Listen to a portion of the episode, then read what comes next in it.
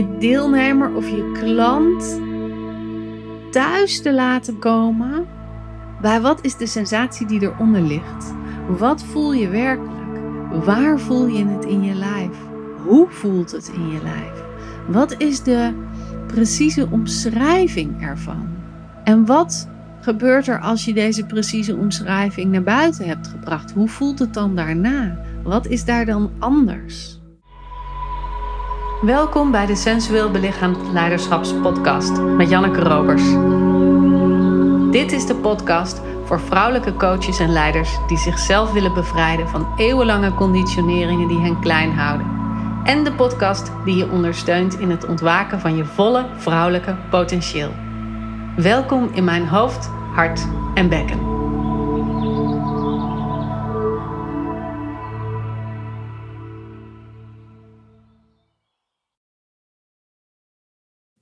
Een van de lastigste dingen in mijn werk is sensaties laten voelen door een deelnemer. En wat bedoel ik daarmee? Nou, als ik het heb over sensueel belichaamd leiderschap, dan gaat het over dat je leiderschap neemt over je eigen leven, je eigen werk, je eigen relaties. Dus dat je bewuste keuzes maakt over wat je doet. Dat je belichaamd bent, dus dat je inwezig bent in je eigen lijf, dat je contact hebt met je eigen lijf. En dat de sensualiteit door je lijf heen stroomt. En sensualiteit is op en top kunnen genieten van dat wat je zintuigen je vertellen. Maar dat stuk, dat kunnen genieten, dat is een heel lastig stuk. Daar heb ik het in een andere aflevering wel eens over. Maar dat wat je zintuigen je vertellen, is zo'n lastig onderdeel omdat de meeste van ons geleerd hebben van jongs af aan dat gevoelens eindeloze dingen zijn. En daarmee bedoel ik dat een sensatie is iets wat opkomt en wat heel kort blijft en dan weer gaat. Dus ik kan een prikkeling of een tinteling voelen in mijn lijf. Ik kan warmte voelen in mijn lijf en dat dat dan weer weg is. Ik kan de aanraking van de wind voelen. Dat is een sensatie, hè? Maar ik kan ook de dingen van binnenuit in mijn lijf voelen. Dus ik kan mijn hart voelen kloppen. Het is een bonk en het verdwijnt weer.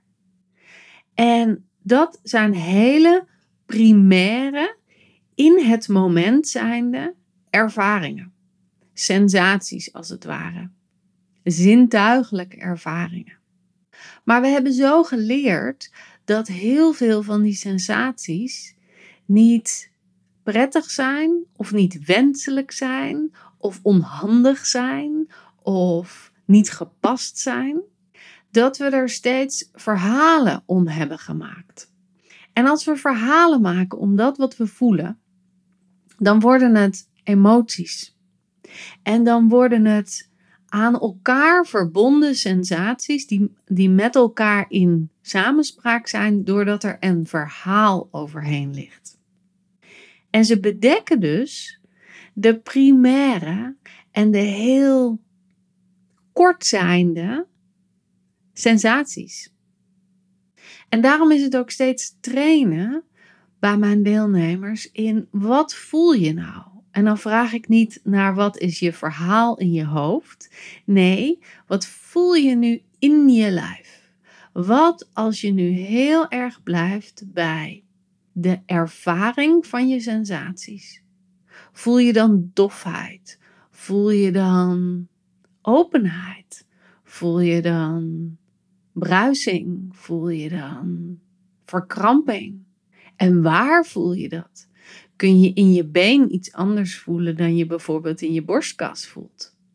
Kun je in je linkerarm iets anders voelen dan je in je rechterarm voelt? En kun je dus zo heel erg sensitief worden op al die verschillende prikkelingen in je lijf. En waarom zou je dat willen?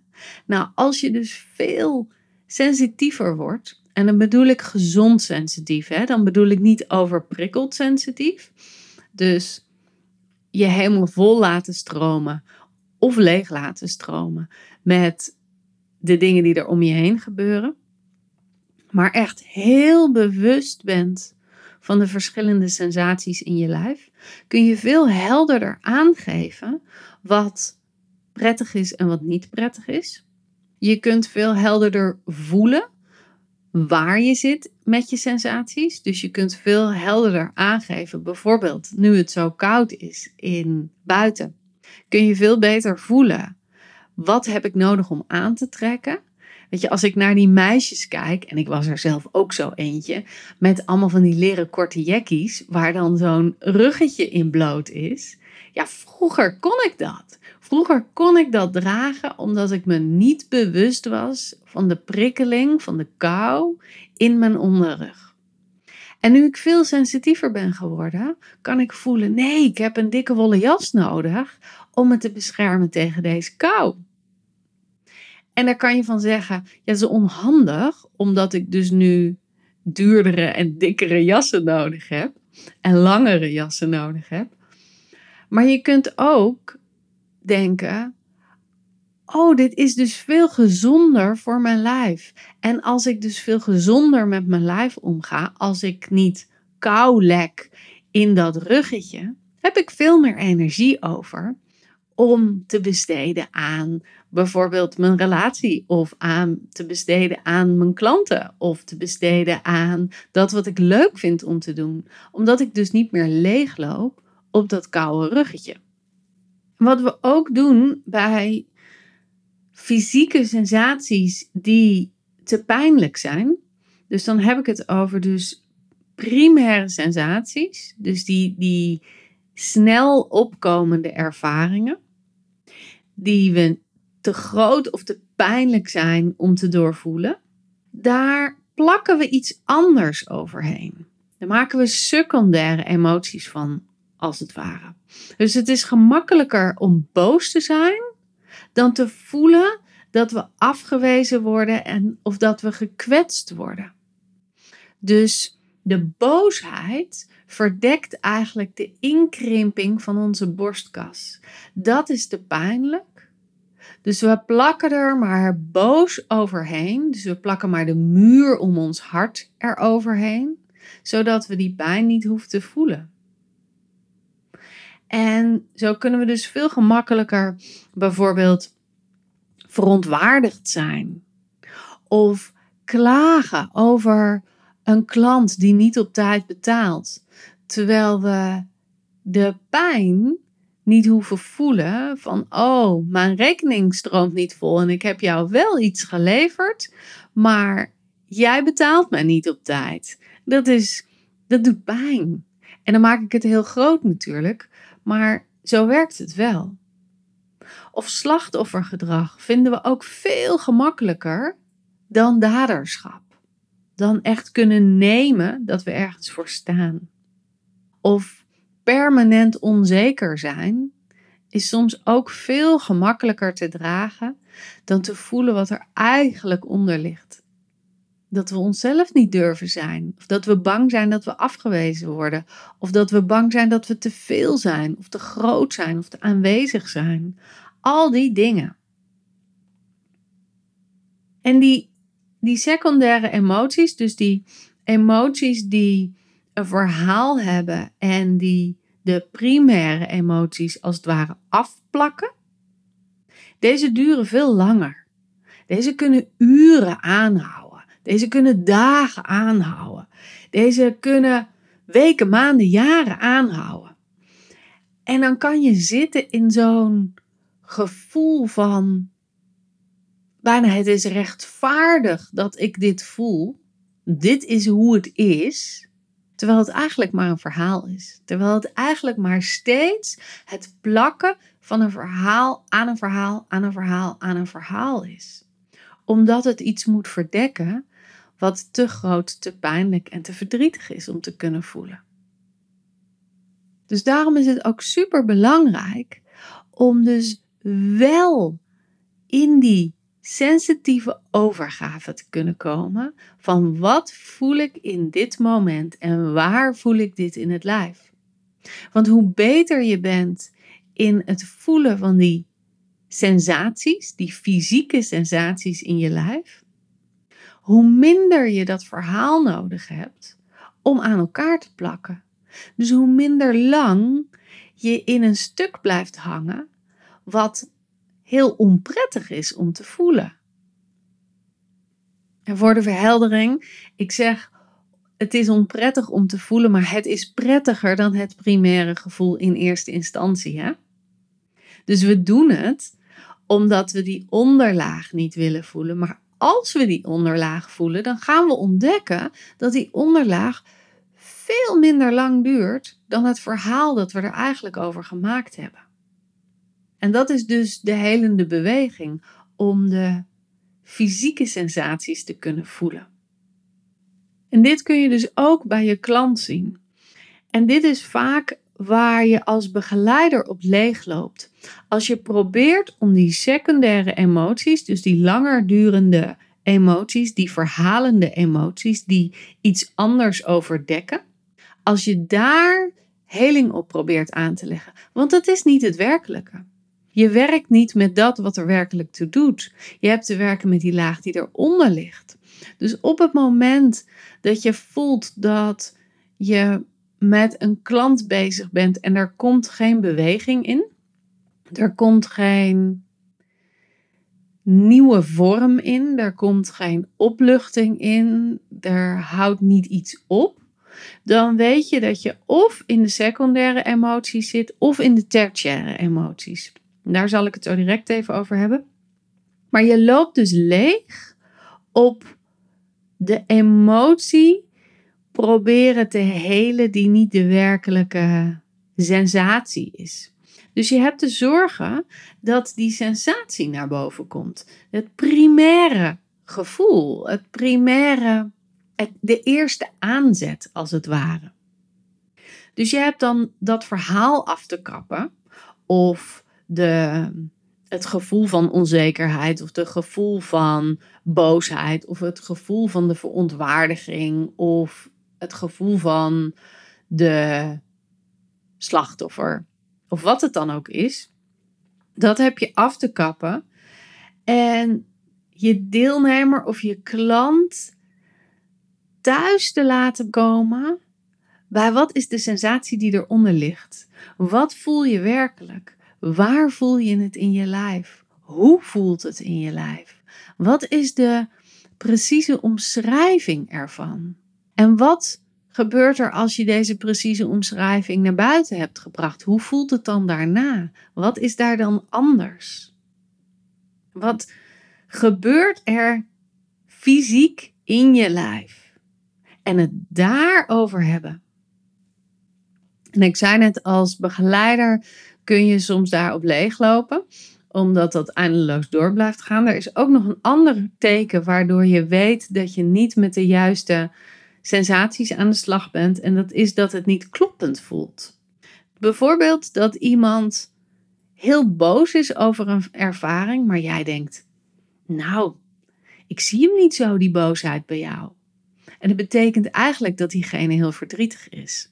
Maar dat boosheid meer geaccepteerd werd vroeger. Dus dat is de uiting die diegene laat zien. En het verdriet werd niet geaccepteerd. Dus dat kunnen we veel moeilijker laten zien. Of dat iemand een heel pijnlijk verhaal vertelt, maar er wel bij glimlacht. Dat is ook zo tegenstrijdig. Om een persoonlijk voorbeeld te geven, ik kan het soms zo voelen bij mijn partner die een sauna aan het bouwen is in de tuin. En dan binnenkomt en zich heel erg kwaad maakt over een klein dingetje dat niet werkt. En dan kan ik ergens op de onderlaag voelen: oh, het gaat niet over dat ene plankje of dat ene hoekje wat niet uitgelijnd is. Nee, er zit iets anders onder. En dan blijkt, als we het ontrafelen, dat hij gewoon bang is. Bang dat dat ding in de fik vliegt als we er heerlijk ontspannen in liggen. En dat het dus precies goed moet zijn. Maar dat dat niet aan dat ene plankje ligt, maar aan het eigen vertrouwen van kan ik mezelf overgeven aan dat ik doe wat het juiste is en dat dat genoeg is. En misschien Heb jij dat zelf ook wel, dat je dat zo kan voelen bij je partner, maar dat je het bij jezelf niet ziet? Hè? Ik zie dat ook niet bij mezelf. Ik heb de ander nodig, ik heb mijn partner nodig om me te spiegelen in waar ik het ene over het andere plak. Want we doen het allemaal.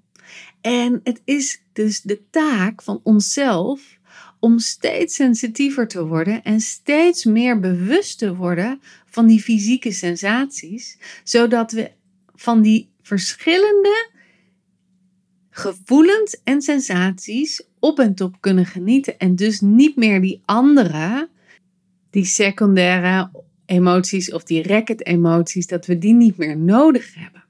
Dan hebben we nog een derde laag waarop we weg kunnen blijven bij de fysieke sensaties in ons lijf. En dat is de tertiaire emotie. Dat is een emotie die voorkomt uit loyaliteit naar iemand uit het systeem van herkomst. Of het gehele systeem van herkomst. Dus om een persoonlijk voorbeeld te noemen. Wij wonen aan het water en het water aan de overkant heeft een prachtige mooie oever met ontzettend hoge bomen. En we kijken dus uit op groen waar ijsvogels overheen vliegen, waar bevers in het water zwemmen. Het is prachtig ontwikkeld. En juist omdat daar de afgelopen 15 jaar niets aan is gedaan. En ik doe de gordijnen open en er is ochtends iemand met een maaier aan de gang. En allerlei bomen worden omgehakt. En ze zijn er gewoon echt wild aan het, aan het. Nou ja, ik kom niet eens uit mijn woorden. Zo erg waren ze bezig om het te kappen.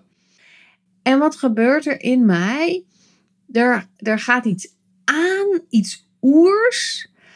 En ik begin de gemeente te bellen en ik bel de hele radplan. Dus ik bel eerst de projectleider van de wijk. Ik bel vervolgens de grotere overkoepelende projectleider. Ik bel degene die hier met de graafmachine de opdracht heeft gekregen. Ik ben iedereen aan het bellen. Totdat ik in de gaten had: oh, ik zit nu in het familiaire riedeltje. Wat wij Robersen doen als er iets gebeurt wat niet tussen aanhalingstekens rechtvaardig is. En ik ga er volle bak in. Terwijl in plaats daarvan had ik ook even kunnen voelen: hé, hey, wat gebeurt er nu in mijn lijf? Oh, dit is echt hartstikke pijnlijk als ik zo al die bomen om zie gaan. Wat als ik nu even op mijn fiets stap en even naar die man in die graafmachine ga en zeg van hé, hey, kunnen we dit en dit en dit doen? Kunnen we even overleggen? En toen ik dat in de gaten had, toen hebben we dat ook natuurlijk gedaan en zijn er wat bomen gered. En kon ik ook op een hele andere manier weer die projectleider van de gemeente bellen en zeggen: hé, hey, we moeten om tafel gaan, want dit, dit is zonde. Jullie zeggen dat jullie nu aan onderhoud gaan doen, maar volgens mij zijn jullie gewoon aan rukzichtloze kap aan het doen. Dus toen werd dat gesprek ineens heel anders. En dat is wat tertiaire emoties doen, die kunnen soms als een soort volwassen tantrum lijken. Omdat we zo het gevoel hebben dat we rechtvaardig bezig zijn, omdat het gerechtvaardigd wordt vanuit het systeem van herkomst, vanuit de familie waaruit we voortkomen. Zo doen we dat altijd. Dit is hoe we reageren op bepaalde dingen. En dan is het niet dit is de fysieke reactie die we hebben op bepaalde dingen. Ja, dat is ook wel een gevolg van een tertiaire emotie. Je kunt je ook fysiek zo gaan voelen als het systeem zich voelt. Maar wat ik eigenlijk bedoel, is dat de lading zo is zoals het systeem zich voelt. Het verhaal is zoals het systeem zich voelt. En daar ga je je gedrag op aanpassen. In plaats van dat je in je eigen lijf landt en heel bewust bezig bent met wat is nu de sensatie die ik voel, mijn persoon, mijn lijf, en hoe zou ik hierop reageren als ik los zou staan van die hele geschiedenis en die hele ervaring die er achter mij zit. Achter mij in de zin van ouders, grootouders, overgrootouders, hè? En dat merk je dus als begeleider als je ziet dat je klant in een totale overdreven reactie komt, waar die niet uit te halen is. En dat is interessant, want wat je dan kunt doen, is bijvoorbeeld een representant neerzetten achter diegene die staat voor het systeem. Of je kunt bijvoorbeeld een poppetje neerzetten en zeggen van, oh oké, dus dit komt uit je systeem en wat voel jij dan in je eigen lijf? Zodat je die twee dingen van elkaar splitst. En dat je dus niet meer je klant haar eigen fysieke sensaties over het hoofd ziet. Want daar ligt de werkelijke heling in de fysieke sensaties. En daar ligt ook de werkelijke mogelijkheid tot genot en tot plezier en tot levenslust. Want zolang we in secundaire emoties zitten, in verhalen over onze gevoelens, in tertiaire emoties en in de gevoelslaag van hoe dat overgeleverd is uit de generaties tot ons, als we daarin blijven zitten, kunnen we nooit het werkelijke genot, de werkelijke sensitiviteit, het werkelijke plezier, de werkelijke levenslust, de werkelijke overgave aan ons eigen lijf ervaren. Dan blijft het altijd dat laagje dat er overheen zit. En dat is super zonde, want dan leef je dus niet je werkelijke leven. Dan leef je dus niet je volle potentieel. Dan leef je altijd in een afgedekt laagje, in een laagje dat er overheen ligt. En dan zul je dus ook niet in staat zijn om die ik-patroontjes, die manieren die we hebben geleerd om weg te blijven bij die echte sensaties, om die los te laten. En om te gaan staan voor dat wat nodig is voor jou. Om jouw stem naar buiten te brengen. Om jouw wijsheid naar buiten te brengen. Om jouw verlangen naar buiten te brengen. Dat gaat alleen als je in verbinding bent met je sensaties, met je fysieke ervaringen, met die primaire pure ervaringen in je lijf. Dus dat is wat we zo vaak doen in voluit vrouw zijn. Het werkelijk kunnen voelen van wat is er nu gaande in mijn lijf? Wat voel ik nu in mijn rechterhand? Wat voel ik nu in mijn linkerhand? Wat voel ik in mijn buik? En wat voel ik als ik dat gevoeld heb? Wat ligt daar dan weer na? Of wat komt daar weer na als ik die eerste sensatie heb benoemd, heb genomen, heb gevoeld? Wat ligt daar dan weer achter? En zo kun je een aaneenschakeling maken van fysieke ervaringen waar jij de drager van bent. En dan kun je dus ook de sensitiviteit veel beter containen in je eigen lijf. Je loopt niet meer leeg op de ander. Je loopt niet meer leeg op de buitenwereld of dat wat er speelt in de buitenwereld, omdat je veel beter bent om je eigen sensaties te dragen. En je hebt veel minder van die dagen dat je denkt: oh, dit gaat nooit meer over. Of ik ben altijd zus en zo. Of het is eindeloos vervelend. Weet je, die, die momenten die we kunnen hebben dat gevoelens en ervaringen onontkoombaar en eindeloos blijven, die zul je veel minder hebben. Omdat je veel beter contact kunt maken met de primaire laag die daaronder ligt. En ook daar heb je dus veel minder last van energieverlies. Nou, hoe doe je dat nou in je eigen wereld? Door steeds momenten te nemen waarin je even de boel de boel laat en terugkomt in je lijf en gaat voelen wat is nu de primaire emotie die ik voel? Wat zijn de fysieke sensaties die ik nu voel? Wat speelt er nu in mijn lijf? En ik zeg mijn deelnemers wel eens: je moet even een timertje zetten op je telefoon die ieder uur afgaat. En iedere keer dat die gaat, neem je gewoon even een halve minuut of misschien 15 seconden. Het hoeft helemaal niet lang te duren maar dan neem je even de tijd om fysiek te voelen. En daar hoef je dan helemaal niets aan te verbinden.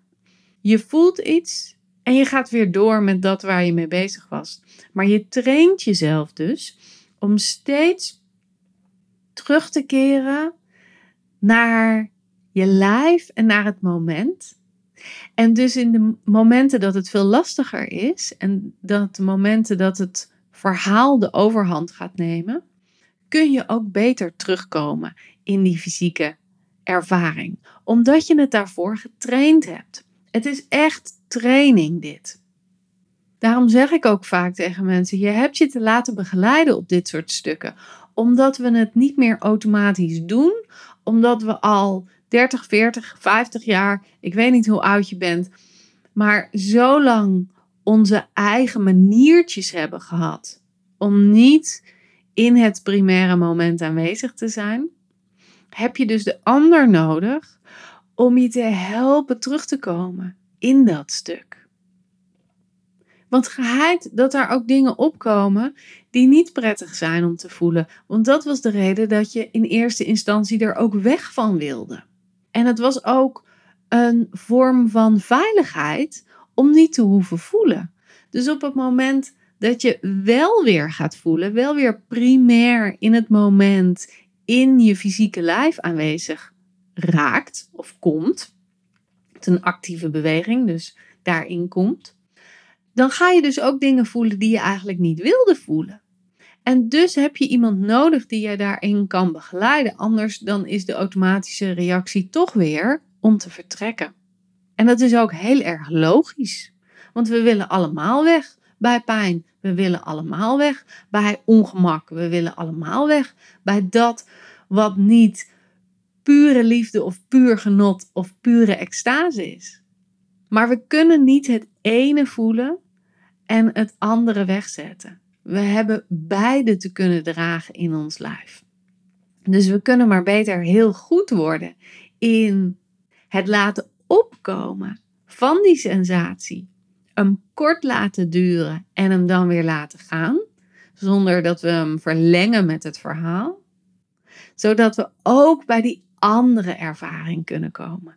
Zodat we ook bij, nou zoals ik al zei, het genot, de extase, de liefde kunnen komen. Want dat maakt het leven gewoon veel leuker. En dat maakt jou veel voller. En dat maakt ook dat je minder energieverlies hebt. Nou, ik zet hier even een punt, want anders ga ik hier eindeloos over door. Mocht je nou willen oefenen met deze sensaties, dan ben je natuurlijk van harte welkom. Check even de website en reik even naar me uit voor een gesprek. Doe je dat voor 15 december, dan kunnen we elkaar nog spreken en kun je nog in de eerste instapfase van voluit vrouw zijn meedoen.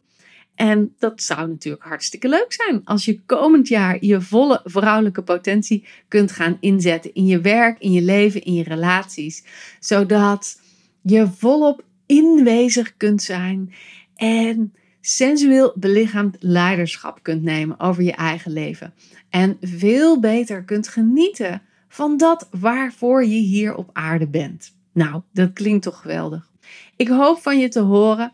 En anders vind ik het altijd superleuk als je mijn afleveringen deelt met mensen waarvan je denkt dat ze daar ook baat bij kunnen hebben. Want zo verspreiden we deze kennis en deze wijsheid nog meer en kan iedereen landen in haar eigen lijf.